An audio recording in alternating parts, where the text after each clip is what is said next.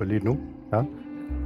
Um, takk for uh, at dere har kommet. Um, vi er uh, Grunnløkka Deichman. Og dette er første samtalen i Antirasistisk leseliste.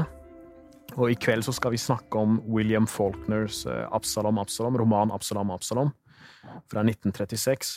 Og med meg så har jeg Preben Jordal, som er litteraturviter, kritiker og oversetter, særlig av amerikansk litteratur.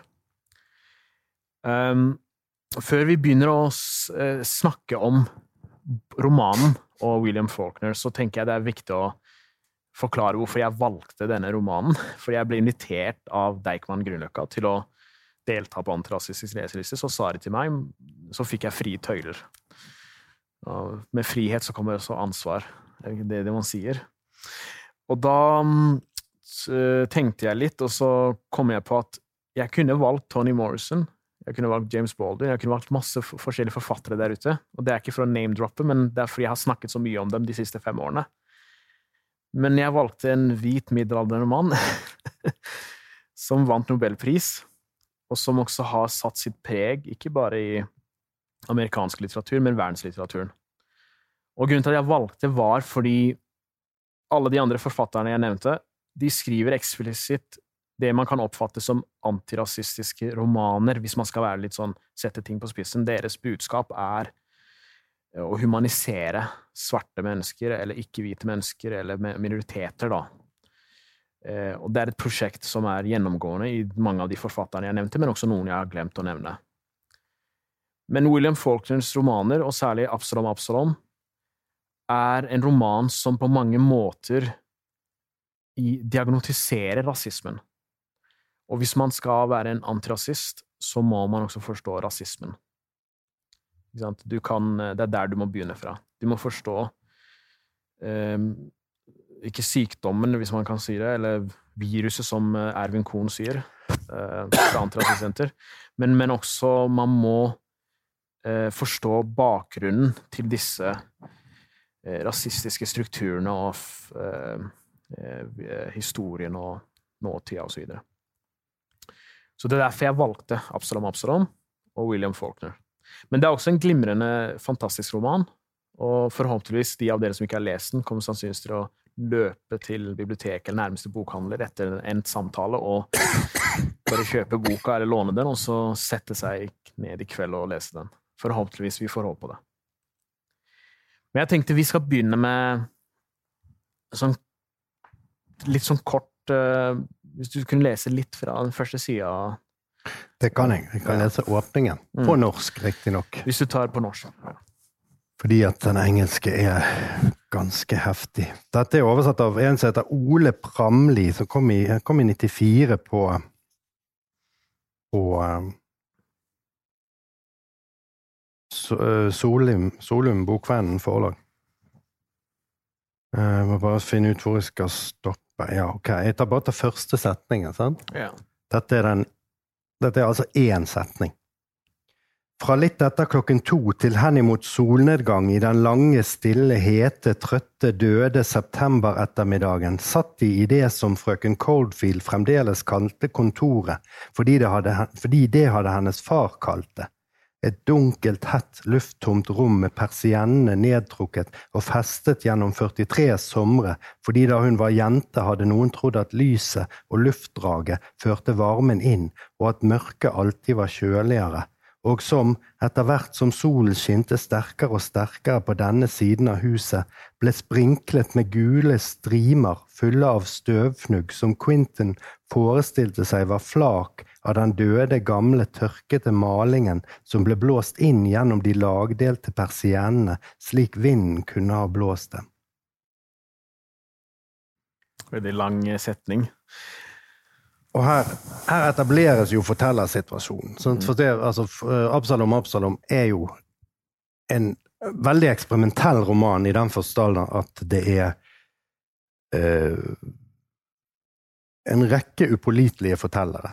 Mm. Her er det da Miss Rosa Coldfield som forteller til Quentin eh, Compson om uh, romanens hovedperson, som aldri selv kommer til orde, bare det indirekte. Thomas Sutpen.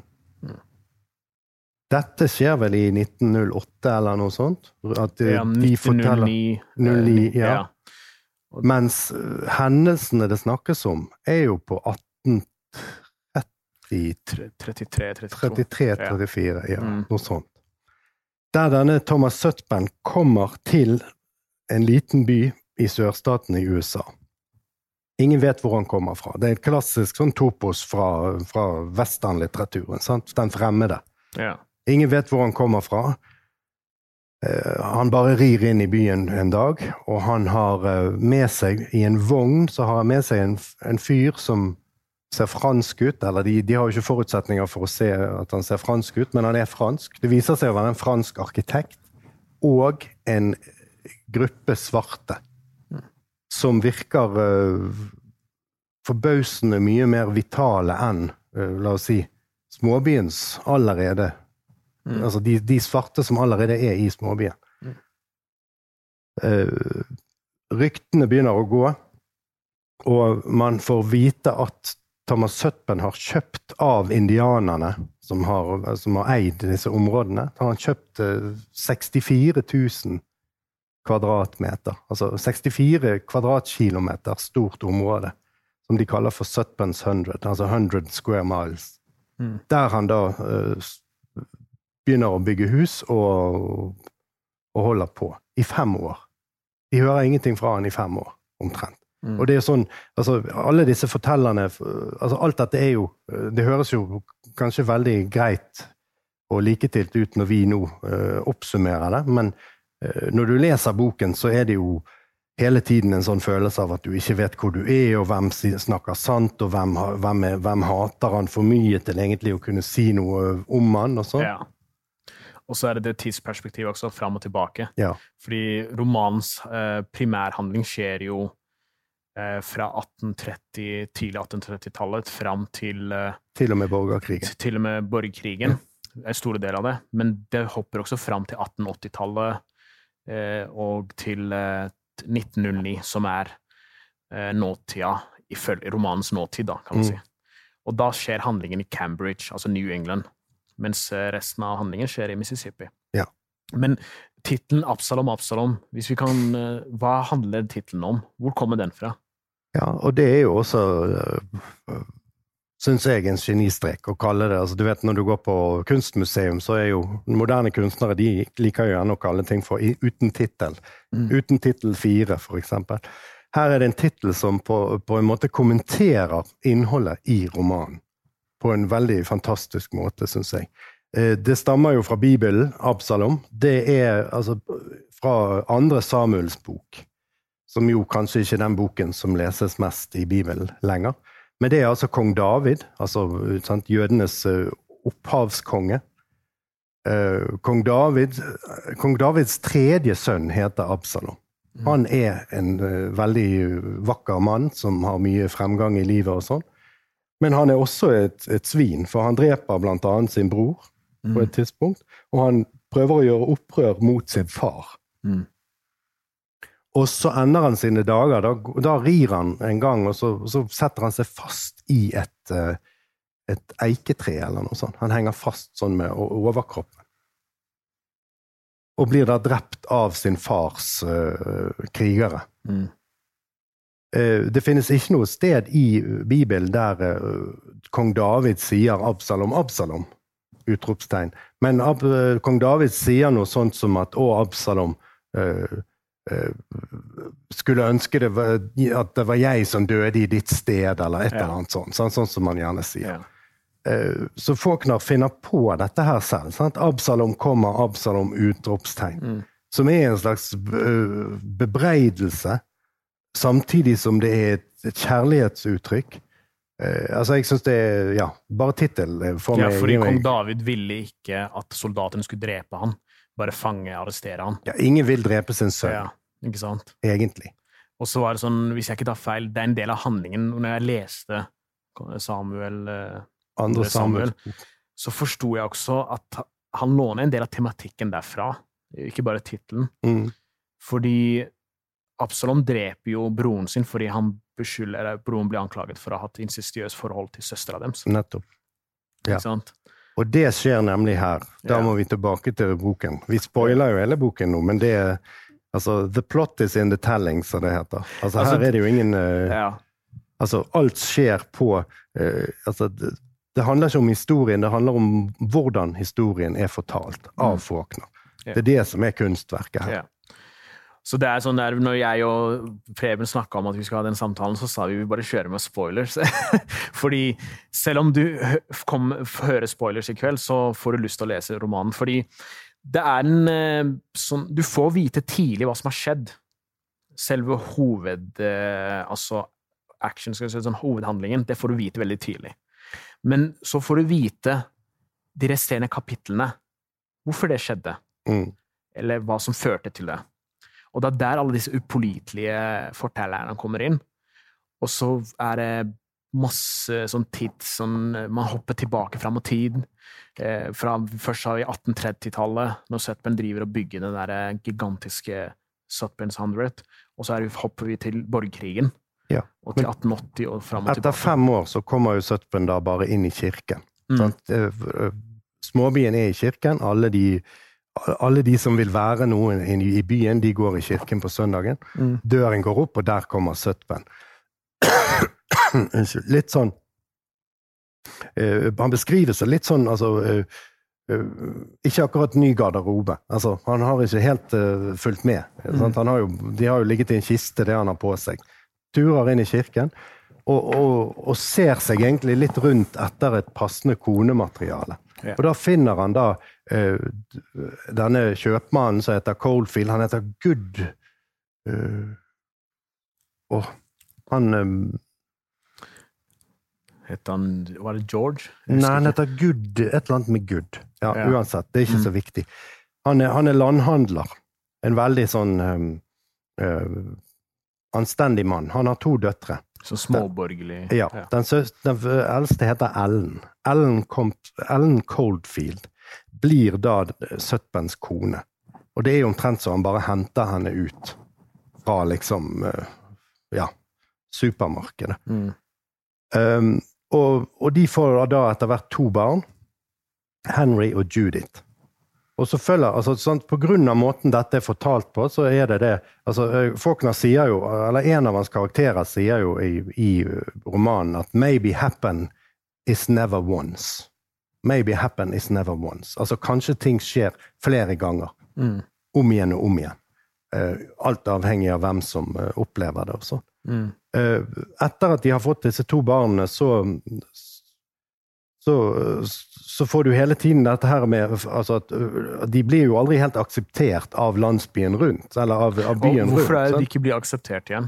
Hva, er det som er grunnen til at de ikke blir akseptert? Ja, Det er et godt spørsmål, men det er, og det er nesten umulig å svare konkret på. Men det er fordi at alt dette er en, en sånn fornemmelse du får når du, når du eh, eh, leser romanen. Det fins jo noen scener der uh, mennene i byen, altså borgerskapet i byen, Mm. lister seg inn, opp ut til det godset, til det herskapshuset, om kvelden for å se hva som skjer der. Sant? I hemmelighet. De, sånn, altså de møtes om kvelden mange ganger i uken.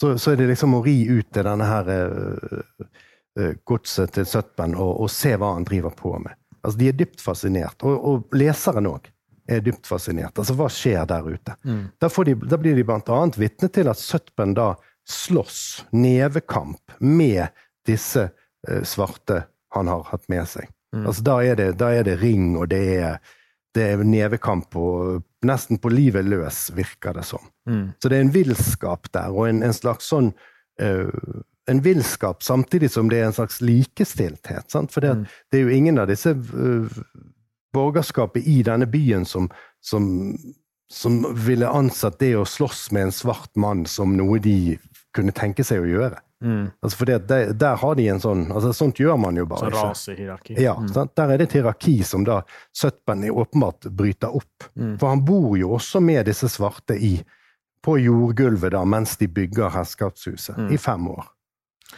Jeg tror grunnen, En av grunnene kan være fordi Sutpen på mange måter Vi skal komme tilbake til han karakteren Sutpen, men um, bryter mange av konvensjonene til dette, dette stedet han flytter til, som er Mississippi. Og mange av romanene til um, William Faulkner handler, eller finner sted i Mississippi, og han har også tilskrevet at uh, Han har sagt uh, hvis du vil forstå verden, så må du forstå Mississippi. Så Det er derfor han har lagt masse av handlingen i, roman, i romanene sine til Mississippi. Og dette området, når, man kommer, så har jo det, Dette er jo sørstatene, og det er jo et uh, veldig sånn Man kan bare rett ut si at et veldig rasistisk samfunn med, og klassesamfunn. Et rasistisk klassesamfunn, kan vi si. Hvor det er noen konvensjoner, hvor det er kastesystem, nesten. Og når Sutpin kommer med eh, denne gruppen tjenere, som er eh, fra Haiti, finner man ut etter hvert. Um, og de snakker et For de lokalbefolkningen så høres det ut som et veldig sånn Eh, primitivt språk bare fordi det er de svarte som snakker, men så finner du ut at det egentlig ikke er så primitivt fordi det er fransk. Mm, det er kreolsk. det er, ikke sant? For det er kreolsk, og så mm, at det er en fransk dialekt, da, eller sånn mm. Det høres fransk ut. Så da finner du at det ikke er så primitivt som de trodde, da. Men det er de konvensjonene han bryter. Dette med at han bor sammen med dem, spiser sikkert sammen med dem. Eh, det betyr ikke at han nødvendigvis er en veldig progressiv aktør, altså at han er en som er opptatt av den svarte minoritetens ve og vel, men det, det, det provoserer disse lokalbefolkningen. Ja, De vet ikke ja. hva de skal tenke om det. Og de vet ikke hvilken bås de skal sette han i. Nei. De ser at han er en av dem, um, at han er, har hvit hudfarge som dem. Men det er noen ganger du uh, tviler på det også, fordi um, han er jo karakteren er jo hvit, uh, Sutben er det, men Rosa Colfin, hvis vi kan snakke litt om hun, hun er jo slektning Hun er søstera til Hun er svigerinna. Og seinere så blir hun også kona til Men hun er veldig mye yngre. Ja, mye yngre. Men hun sier at han ligner på dem, altså de tjenerne sine. Mm. Jeg, jeg, jeg, hun sier det flere ganger i romanen, at han, man kan ikke se forskjellen mellom disse mm. eh, villfolka eller disse menneskene som jobber for han, sier hun. Men han, han kaller hun jo også et monster. Og mm. altså hun er jo en av de som blåser han opp i nesten overnaturlige ja. dimensjoner i sin gjengivelse av hvordan han var. Sånn. Hun kaller han konsekvent demon, ja. uh, men så er det interessant at hun gifter seg med denne demonen. som i seg selv er veldig sånn uh, interessant, for hun har, så, hun har, så, sterke meninger, og du kommer til å merke at hun er den, av, den av fortellerne som hater han mest. Ja. Og når hun snakker om han, så sitter du igjen som leser et hat for han også. Jeg, jeg ja. satt iallfall igjen med at for en uh, demon, ja. monster. Så hun skaper jo en sånn, at han er en slags monstrøs uh, karakter. Det, det, det, er jo også interessant å tenke på da, altså disse svarte som han har med seg fra Haiti, mm. og som han lever sammen med uh, på dette. Sant? Det er jo ikke det er ikke gitt at menneskene i romanen vet hva det vil si å, å være fra Haiti mm. på dette tidspunktet. Men det er jo klart at for leseren i 1930 i sørstatene i USA, som får høre dette, altså, som orker å lese seg gjennom denne boken og, og, og ser alle disse ulike planene og personene, for de vil jo eh, en gruppe haitianske svarte være en påminnelse om at Haiti er det eneste stedet der slaveopprør faktisk har lyktes. Ja, det ble suksess. Ja. Der fikk de jo på en måte frigjort seg yes. gjennom opprør. Og det fins jo ingen større frykt i sørstatene, kanskje ikke ennå, altså kanskje ennå i dag, enn en svart mann med våpen. Ja. Det er jo det man er mest redd for mm. av alt. Og særlig en fri, mann, en fri svart mann med våpen. Ja. Og det er jo den perioden som han tar med seg disse menneskene, er jo før Det er det som kalles antibellum. Mm. Eh, for, for, før borgerkrigen. Før ja. borgerkrigen. Før krigen.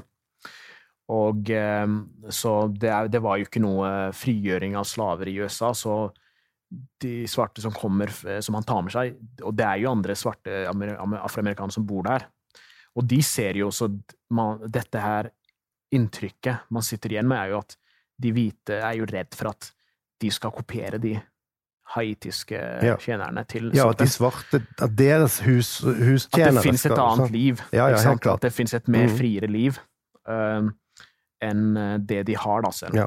At det, gresset er grønnere på andre sida. Mm.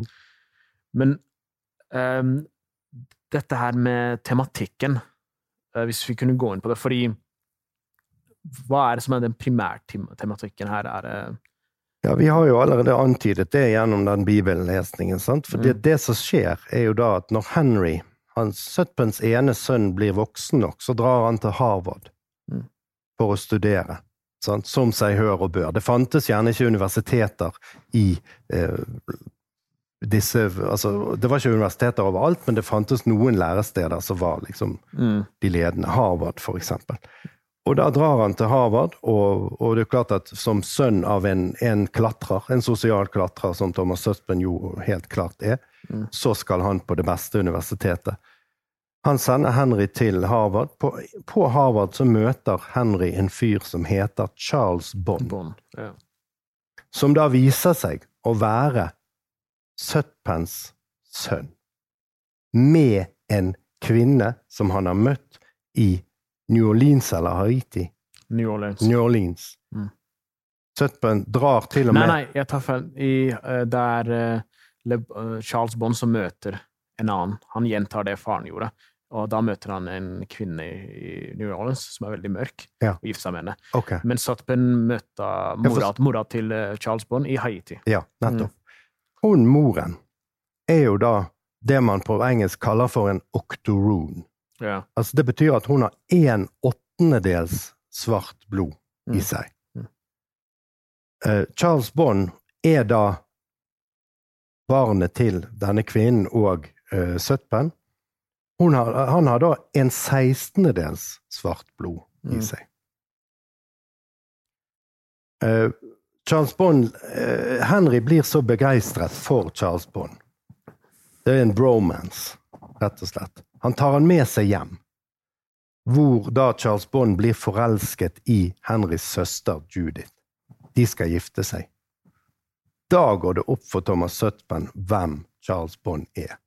Han drar til og med til, til New Orleans for å spørre moren om det stemmer. Altså Alt dette er litt sånn tåkete når du leser romanen, og det er det som gjør det så fascinerende. At du får ikke helt Du får bare høre om at Ja. Sutpen dro. Ja. Sant? Og så, og, og så Ja. Det tar lang tid å pusle det sammen igjen. Og, ja. Det er bra at vi gjør det Ja, her, her på scenen. men sant, så, så også dette ekteskapet kan da ikke finne sted. Altså fordi at det vil være incestuøst. Ja. Så Søtben forbyr det, og så drar Søtben i krigen. Det er Ja. sånn det er. Men er det ikke sånn i begynnelsen så sier han, altså Henry, han gir han mulighet Det er før han finner ut at, Mm. eh, det, at det er sånn halvbroren deres, på en måte. Det er jo halvbroren. Mm. At han gir han eh, noen år. Han finner først ut om eh, denne, dette barnet og kvinnen som eh, Charles Bond gifter seg med i New Orleans. Ja, for det har han òg. Ja, og så er gir. Ja, og så Ja. gir han noen år at han skal gå ut av det der ekteskapet, Mm. såkalte ekteskapet, før han aksepterer at han skal gifte seg med søstera si. Mm. Og dette, det, grunnen til at vi tar opp dette, er fordi det er, en, det er mest frem, en av de mest fremste linjene i romanen, som jeg syns også er en av de siste, tror jeg også det blir sagt, eh, når man får vite litt mer, det er at eh, når Charles er eh, Hvem er det som sier det? Er Charles Bond som sier det til Henry? Han sier De har en krangel, da. Og dette er en spoiler som kommer i begynnelsen. Charles Bond blir skutt av Henry, altså halvbroren sin, den hvite halvbroren. Og hans, Charles Bond sier Så det var, det var raseblandingen og ikke incesten som plaget deg mest. Det er en sånn veldig Det er, setning, det er setninger som beskriver hele romanen. Og det er fordi Henry er den karakteren som man tenker vet begge delene. Altså, det er noe som er eh, Det forholdet mellom Charles Bond og Judith, eh, lillesøstera til Henry, er insistiøs fordi det er halvbroren deres. Men det er ikke det som plager han mest, eller irriterer eller skaper mest som hodebry for han. Det er det faktum at Charles Bond ikke bare har gifta seg med en svart kvinne og fått barn med henne, men at han selv også har svarte aner. Da kommer vi til hoved, en av hovedtemaene i boka, som er det som kalles one drop eh, rule. Jeg vet ikke om det er mange som har hørt om det her. Det var en regel som man hadde i mange av de delstatene i sørstatene under Jim Crow-reglene. Eh, I Mississippi så fikk man dette, denne regelen 1917.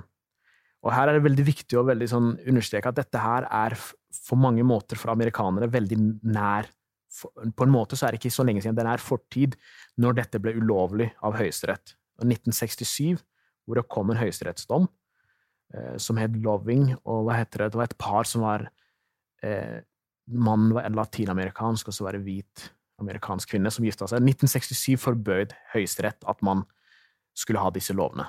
Men helt fram til da så var det fritt fram å forby at folk som hadde forskjellige raser I amerikansk kontekst så bruker jeg ordet rase, for i norsk kontekst så er det ikke noe ord vi bruker. Å gifte seg med hverandre og være sammen. Og one droop rule var så ekstrem at det var sånn hvis du hadde én forfar eller for, eh, formor som hadde svarte aner, så var du regnet som svart. Dette var så ekstremt at eh, nazistene til og med syntes det var for ekstremt. Altså Nazi-Tyskland syntes det var for ekstremt. Uh, James Whitman, som er en historieprofessor og rettshistori rettshistoriker mener jeg, og jurist, han skrev en veldig fin bok i 2017 som heter Hitlers America Model, hvor han tar for seg det juridiske aspektet, men også det rettshistoriske, hvor han viser at nazistene i 30- og 20-tallet, 1920-1930-tallet, før Nürnberg-lovene, ble påvirket av sørstats-Jim Crow-reglene. Og han viser det på en grundig måte, og et av de måtene de ble påvirket, var den der one drop law, som, eh, eh, som han sier, Whitman sier, det flaueste er som amerikaner, han er jo amerikaner selv, er at de gangene eh, eh, tyskerne eller nazistene ikke ville implementere den samme regelen i Tyskland, var når de syntes det ble for ekstremt. Eh, og det er det som Falkland tar opp i denne romanen her, er det. Fordi Faulkners ordbruk og begreps, begreper og de tingene han bruker, vil for den vanlige leseren, som er litt kanskje antirasistisk sinnet osv., vil oppfatte det som veldig rasistisk. Ikke sant? At han, uh, ordet nigger blir brukt flere ganger. Ordet neger Det er nesten annenhver side her. Så hvis du blir veldig irritert av det, så er det ikke en bok for deg. Men det er den måten han bruker det, er å vise et tankegods som var, stor, som er del av det amerikanske samfunnet i lang tid. Og det gjør han på en veldig sånn god og overbevisende måte, hvis du spør meg. Og så er det jo en eh, altså jeg, Da jeg forberedte meg til dette, her, så kom jeg over følgende observasjon. Altså at uh, den amerikanske borgerkrigen ble jo ikke kjempet for å få slutt på slaveriet. Mm. Altså, det er en myte at, at nordstatene gikk til angrep fordi at de eller altså, at det ble krig fordi at, de ville få, at nordstatene, altså de gode, ville få slutt på slaveriet. Den ble ikke kjempet for å få slutt på slaveriet, men den ble, den ble kjempet for å bevare det. Mm. Det var derfor sørstatene gikk til krig. De ville bevare sin way of life, og sin, altså, deriblant da slaveriet, som ja. de da ikke hadde noen intensjoner om å, å, å gi slipp på. Det var det ene jeg tenkte. Og det andre jeg tenkte, det du sier, altså til det du sier, så er det jo viktig også å legge til at dette er jo altså Det der er på idéplanet, sant? På, mm. på ideologiplanet. Mm. Det er også en roman som er veldig fysisk. Altså, som, er, som er veldig taktil og fysisk altså Vellykket i sine beskrivelser av den fysiske verden. Mm. Det ris, det, det slåss, slåsses. Det er altså det er mesterlige ting. Mm. Når Unnskyld. Når, når Charles, uh, Charles Bond blir drept av Henry det er, jo, mm. altså, det er jo sånne gnistrende scener sant? Som, mm. er, altså, som er helt uforlignelige. Som ingen eh, Jeg mener det er ingen på dette nivået. Mm. Faulkner var jo selv en ivrig rytter, for eksempel. Han dør jo av hjerteinfarkt i 1962. Man mener at eh, det er liksom fremkalt av et fall han hadde fra hest ja, og så fikk dagen han, før. Han fikk blodpropp ja, noe sånt, fallet, og så ja. fikk han eh, noen uker seinere, tror jeg, ja. Eh, hjertestans. Så, så, dette er en mann som også kjenner til denne her, altså støvet, vognene mot støvet, hestene, lyden av hestene, mm. lukten. Altså alle de tingene her kommer. Sant? Så du får en, på en måte en sånn total romanopplevelse mm. som Altså Der det også finnes dette ideologiske tankegodset. Ja. Men fordi at det er så Altså, du får en hel verden som er langt tilbake i tid, så, så er det en annen opplevelse enn mm. å, å, lese da, kan du si, en, en dårligere roman med, med, med samme type tankegods. Ja. Og så er det i tillegg til eh, Du har jo den der eh, krigsscenene, de, de tre-fire sidene, som du sa til meg du likte veldig, og ja, veldig fine beskrivelser, og uh, han skriver også følelser og litt sånn. Ja, og mye de, tankene. Ja, fordi de var, Det som skjer i sørstatene, er jo da at de har altså Nordstatene har vel nesten en slags sånn verneplikt etter hvert. Sant? Mens Mm. sørstatene er det mer sånn folk finner sammen i grupper, og så lager de denne hæren ut ifra det. Ja. Det er en helt annen hierarkisk struktur i nordstatene. Ja. Det går mer på familiebånd og, og slekt, altså klaner. Mm. Og, og Sutpen blir jo da også, En oberst, plutselig. Han ja, han, han kjøper jo den eh, tittelen, Ja, ja, på en måte, kan du si. Ja. Det er jo litt vittig også, at de begynner ikke som kaptein eller sånn. De, altså, det er rett på oberst. Oberst. Da er det ett hakk til general, og så, er du, så må du ha masse stjerner for å skille de fra hverandre. Ja. Men det, det er Sutpen blir jo da Han har jo da militær erfaring fra Haiti, viser det seg. Så han leder da dette um, kompaniet, eller sånn. Uh, og du får han i, i full altså du, du får noen actionscener der som er helt fantastisk, der de bare kommer liksom altså Der de er en slags sånn milits, eller gerilja, som bare plager nordstatene. For det altså nordstatshæren er mye større, så det sørstatshæren blir litt sånne vepse Ja. Altså svermer med veps som, som rammer de hardt på ett sted, og så stikker av igjen. Mm. Altså Det er mer sånne typer uh, Ja, de driver, de, altså, Sørstaten der med mye geriljakrigføring, mens nordstaten var veldig opptatt av konvensjonell, eh, sånn konvensjonell Ja. eh, krig. Men det er eh, det interessante er at altså, den, det ene hovedtemaet er jo det der med raseblanding og sånn familieære og det ideologiske planet, som du kalte det. Men det er jo en bok som viser en del av amerikanske samfunnets fall. Både vekst og fall, kan man si, gjennom Sutpens-familien. Og det er Og det kan vi, vi kan jo ta, gå inn på det, fordi det begynner jo bra med Sutpen, selv om han blir sett som den fremmede og sånt, ikke sant? Han er jo self-made man. Si, ja, men, Ja. men det er jo sånn man sier 'haters can hate', ikke sant? Mm. Men det er jo, han, han er jo han, det, går, det går greit. Ja. Det, det går bra på, på skinnene. Altså det, han bygger dette stedet, eh, han får seg en kone, får barn. Og på mange måter så er det jo et eksempel altså han, eh, Folkene prøver jo å vise sørstatenes historie, både veksten og fallet, gjennom Su- Sutpens uh, historie. Men så går det nedover. Og det begynner jo allerede etter uh, krigen, når de kommer tilbake igjen. Hva skjer da? Ja, det er vel da det- går opp for Sutpen hvem Charles Bond er. Sant? Ja. Og, og at, at hun Judith ikke har tenkt å gi slipp på Charles Bond. Mm. She loves him, som de sier. Så drar han selv til eh, New Orleans For å få for å bare få bekreftet Ja. det han vet, det han innerst inne har tenkt hele tida. Ja. Ja.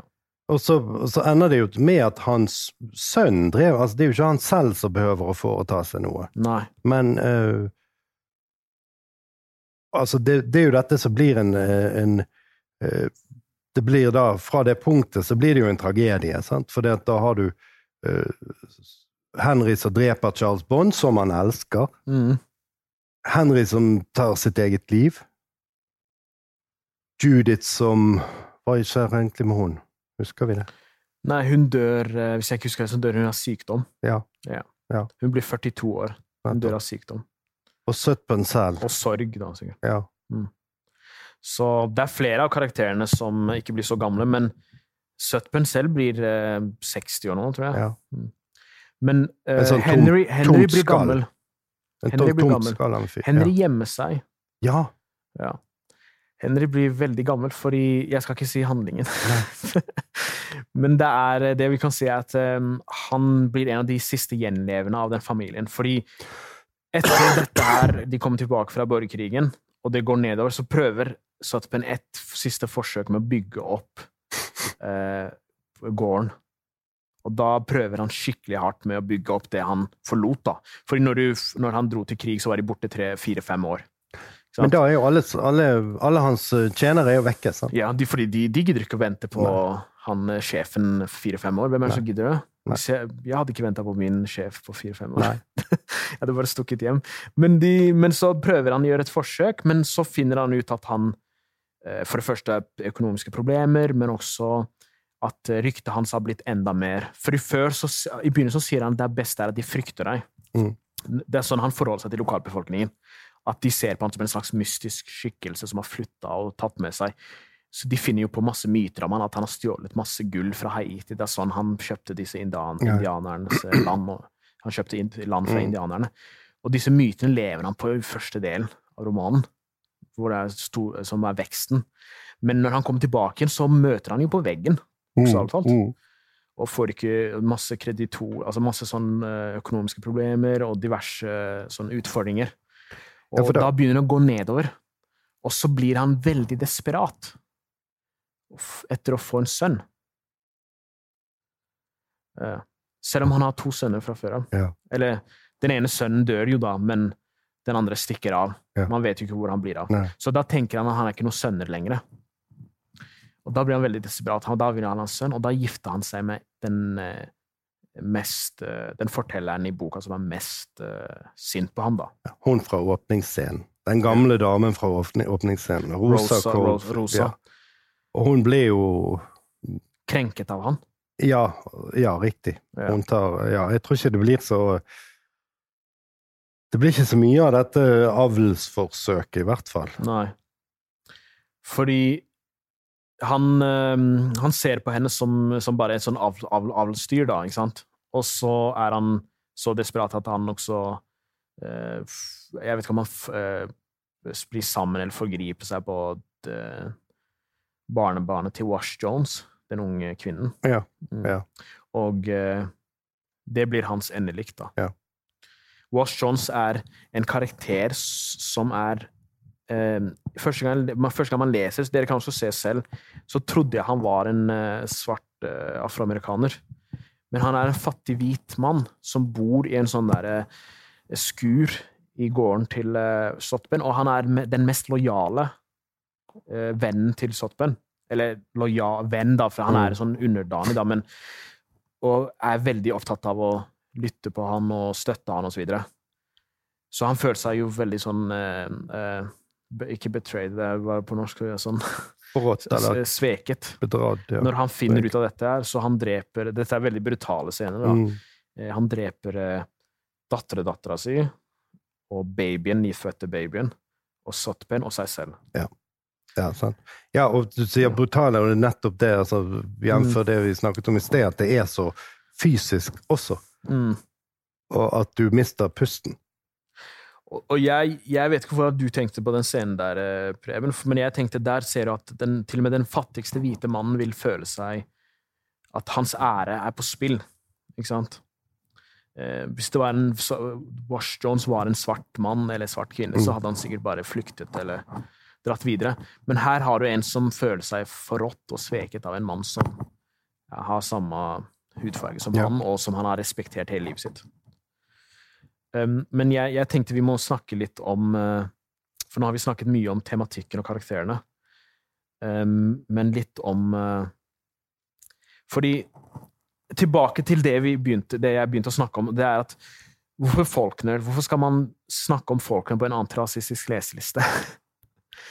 og det er um, Du har jo med en bok der, uh, Preben, som, som er veldig sånn uh, Eh, veldig sånn, det, er en, det er en form av biografi. Det fins jo flere biografier av Faulkner. ikke sant? Uh, men dette er en sånn relativt ny sånn, Den kom ut i fjor, og den handler om uh, Det er et forsøk på å forstå det, ikke bare biografien, men også verkene til Faulkner sammen. Med, med, yeah. altså, ved å hente altså, stadig sideblikk til borgerkrigen. Yeah. The Saddest Words heter han. William Faulkner and the Civil War. Altså hvordan borgerkrigen, med hele dens uh, overbygning og konkrete følger og etterspill og alt sånn, uh, er en konstant kilde til problemer og uh, Mm. ja, som, altså, som preger full, forfatterskapet til William Ja. Faulkner. På veldig mange måter. Det er den røde tråden i verkene hans. Fordi Ja. Faulkner er av den formening at uh, krigen sluttet ja i 1865. Den varte fire-fem år. Den skapte masse ødeleggelser. Flere hundre tusen amerikanere døde. Men den egentlige krigen har ikke slutta. Og den boka her, av Michael Gora, som Faulkner viter, handler jo også mye om den krigen som Faulkner selv hadde med seg selv. Fordi han var en mann som var produkt av sin samtid. Han var en uh, mann som vokste opp i sørstatsfamilie, som en overklasse sørstatsfamilie. Eh, og brukte selv veldig rasistiske ord og merkelapper. Hadde veldig nedlatende syn på mye rart. Um, men også veldig opptatt av å skrive romaner som ble beskyldt for å være rettet mot et nordamerikansk altså Ikke nordamerikansk, men nordstatpublikum. Mange av samtids, eh, samtiden hans i sørstatene mente at disse bøkene han skrev, var ikke for sørstatsfolk. Nei, for han driter ut sørstatene ja. hele tiden. sant? Og, og, han er jo veldig Altså, det man etter Altså, da Når sørstatene har tapt krigen, så, så fins det jo mange som fremdeles Altså blant den hvite sørstatsbefolkningen mm. som, som, ikke helt gir, gir, slipp på forestillingen om at eh, det de hadde, var noe bra. Ja. Og det er jo kalt The Lost Cause, kaller man det. Mm. Jeg vet, Der oppe jeg bor på Sankthanshaugen, der står det da av og til en sånn der Dodge Van som har en sånn liten sånn klistremerke på nederst, med det der konfederasjonsflagget, og så står det The South Shall Rise Again. Ja. The South shall rise again. Altså, å være i Norge i, i 2021 og, og, håpe på at The South, South altså, er det fordi du liker Leonard Skinner, liksom? Altså, hvor, hvor, hvor, hvor ute er ikke det? Ja. The South shall rise again. Og da tror jeg man mener en eller annen sånn for altså, Hvis man har sett Tatt av vinden, så er jo det nesten en sånn parodi. sant? Altså, ja. den, er jo, den, er jo, ektefølt, men er jo, det er jo parodisk hvordan de forholder seg til hverandre. sant? Hvordan kvinner er en slags sånn pyntedukker som sånn ikke må gentleman-figur. Ja, ja, sant? Og, ja da, så skal de være litt sånn gentleman og sånn. Og de svarte er jo bare selvfølgelig gode.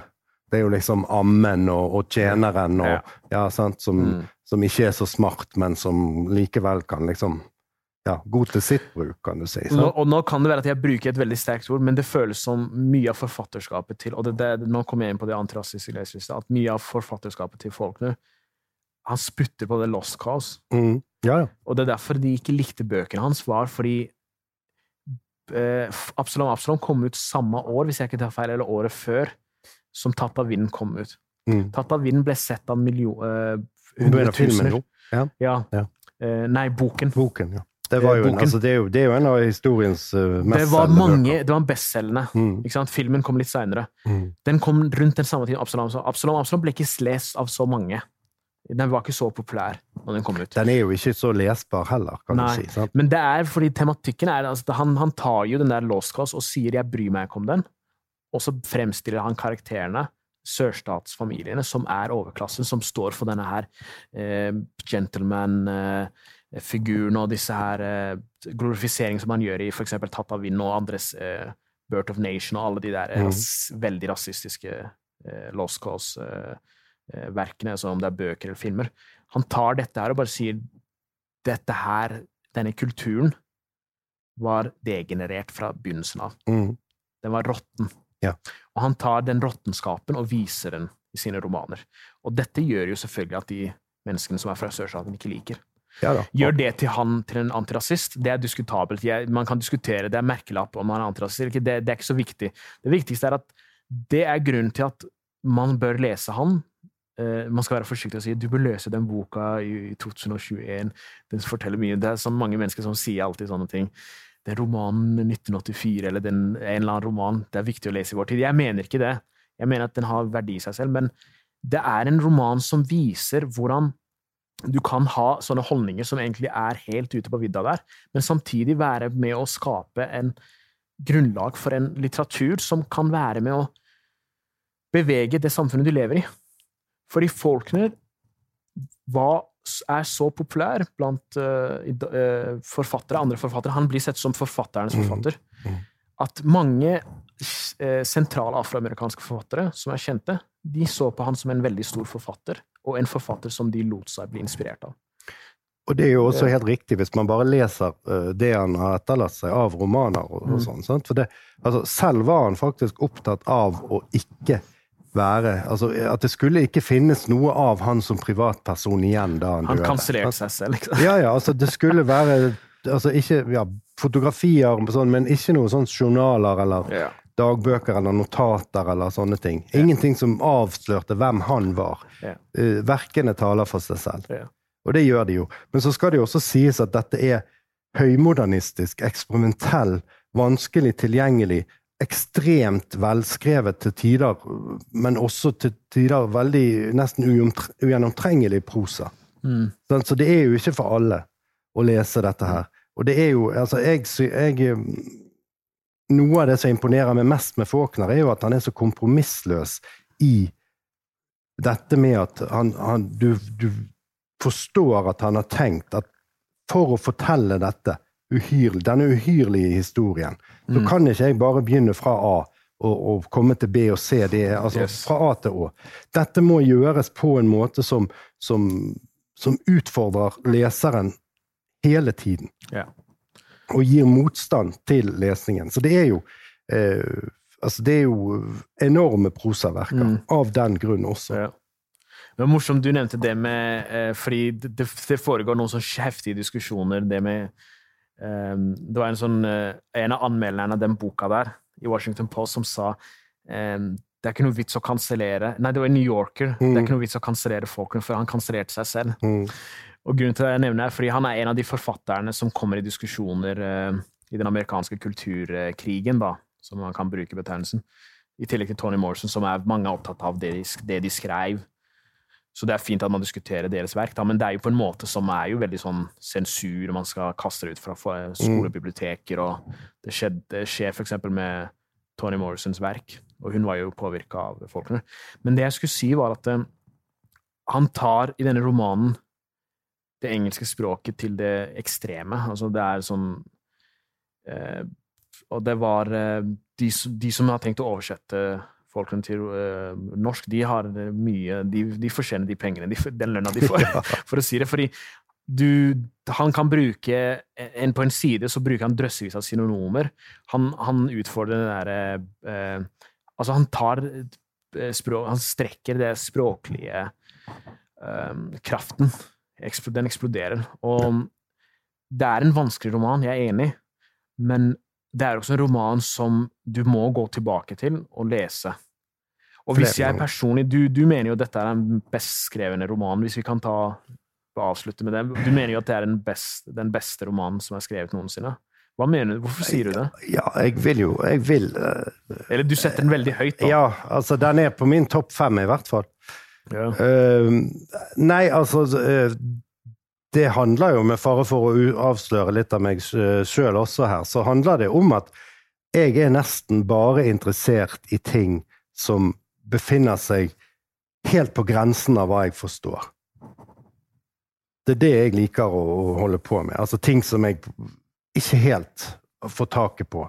Som, som, er, som er vanskelige, og som ligger liksom ute i et sånt ja, Nå blir det mye armbruk her, men altså det er sant, helt på grensen av det jeg forstår. Ja. Og dette er en sånn roman som, som jeg hele tiden øh, Som hele tiden stiller meg på prøve som leser og som Altså øh, som intellekt, rett og slett. Og, og, og som er veldig tung og vanskelig å forstå, men som gir hele tiden betaling i form av øh, altså fantastiske språklige bilder. For, det er noen metaforer her som er helt ville, sant? som er litt sånn fra gresk mytologi. Og, yeah. altså, og det, øh, det er storslått. Mm. Og, og så fantastisk godt uh, skildret, da. Altså, det er taktilitet, det er storslåtthet, det er idéstoff. Det det er så mye med den romanen. Og, og jeg blir aldri helt klok på hva det er som uh, skjer. Sant? For du får aldri helt vite. Vi har snakket om dette her med at det er denne her raseblandingsbiten sant? Som, som på en måte gjør at alt går i, i stykker. Mm. Men, øh, men du får ikke vite øh, hva personene tenker ja. om det. Du får ikke vite hva Sutpen tenker. Nei. Aldri. Hvem han er. Du får aldri sett det fra hans perspektiv. Du får alltid bare sett den fra utsiden. Ja. Eh, og, og det er jo også en altså det, det jeg syns er fascinerende her, er også altså, For det er jo en veldig mørk erkjennelse, det at eh, du får aldri Altså eh, Den du er som person, er helt uavhengig av Altså hvordan du blir vurdert som person, er helt uavhengig av hvordan du uh, ter deg i verden. Mm. Sant? For det er alltid en, en altså I dette tilfellet en ra rase. Mm. Altså, det er alltid opphavet ditt Det er alltid hvor du kommer fra, det er alltid hvem du er, det er alltid hudfargen din Mm. som skal være det som gjør at folk eh, setter deg i bås, eller eh, Mm. avfeier deg, da. Eh, Du har fanget deg identitet, identiteten din. rett og slett. Ja. Og, og det, eh, det er jo hele boken en problematisering av. Mm. Søtpen er jo en sånn altså Han er jo fra, fra fjellene i West Virginia og, og, og, og blir en self-made man i denne Altså ned på, i lavlandet i, i Mississippi, og, og det er ikke godt nok. Sant? Likevel så går alt til helvete. Mm.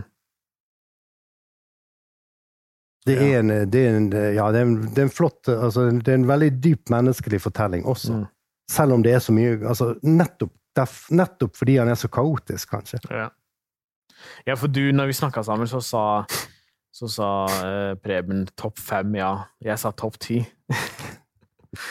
Eh, det er fordi kanskje vi er litt annerledes, men jeg, jeg synes det er, det er Med topp ti så mener jeg også topp ti, fordi det er en roman som Første gang jeg leser den på engelsk, så var det sånn eh, 10 jeg forstår.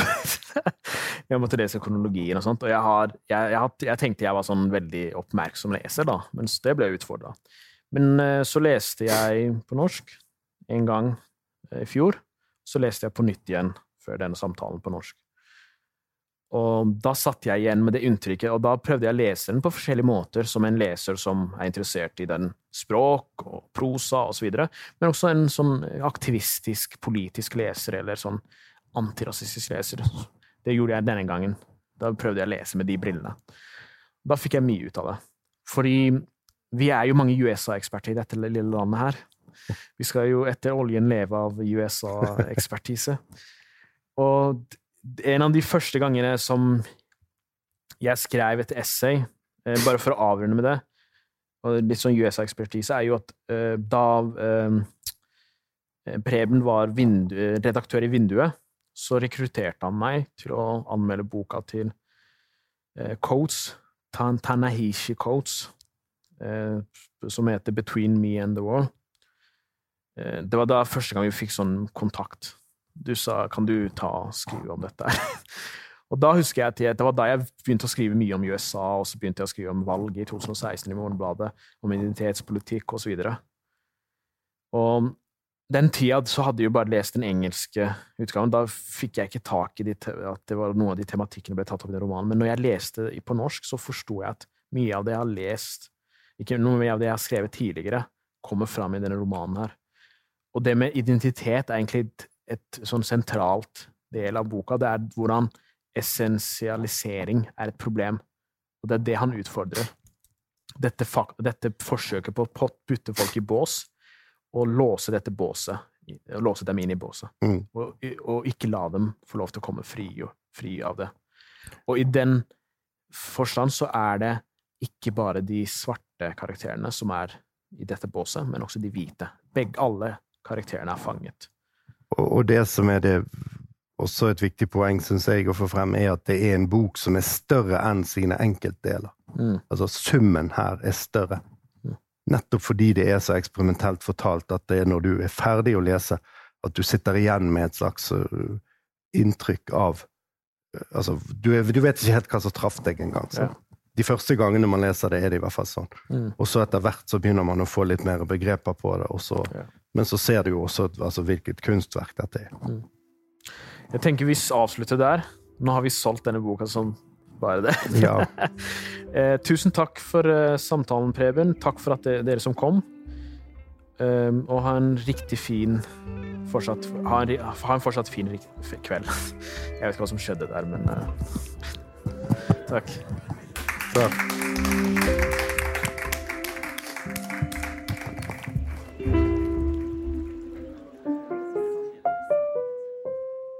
Dette er en podkast fra Deichman. Hele Oslos folkebibliotek.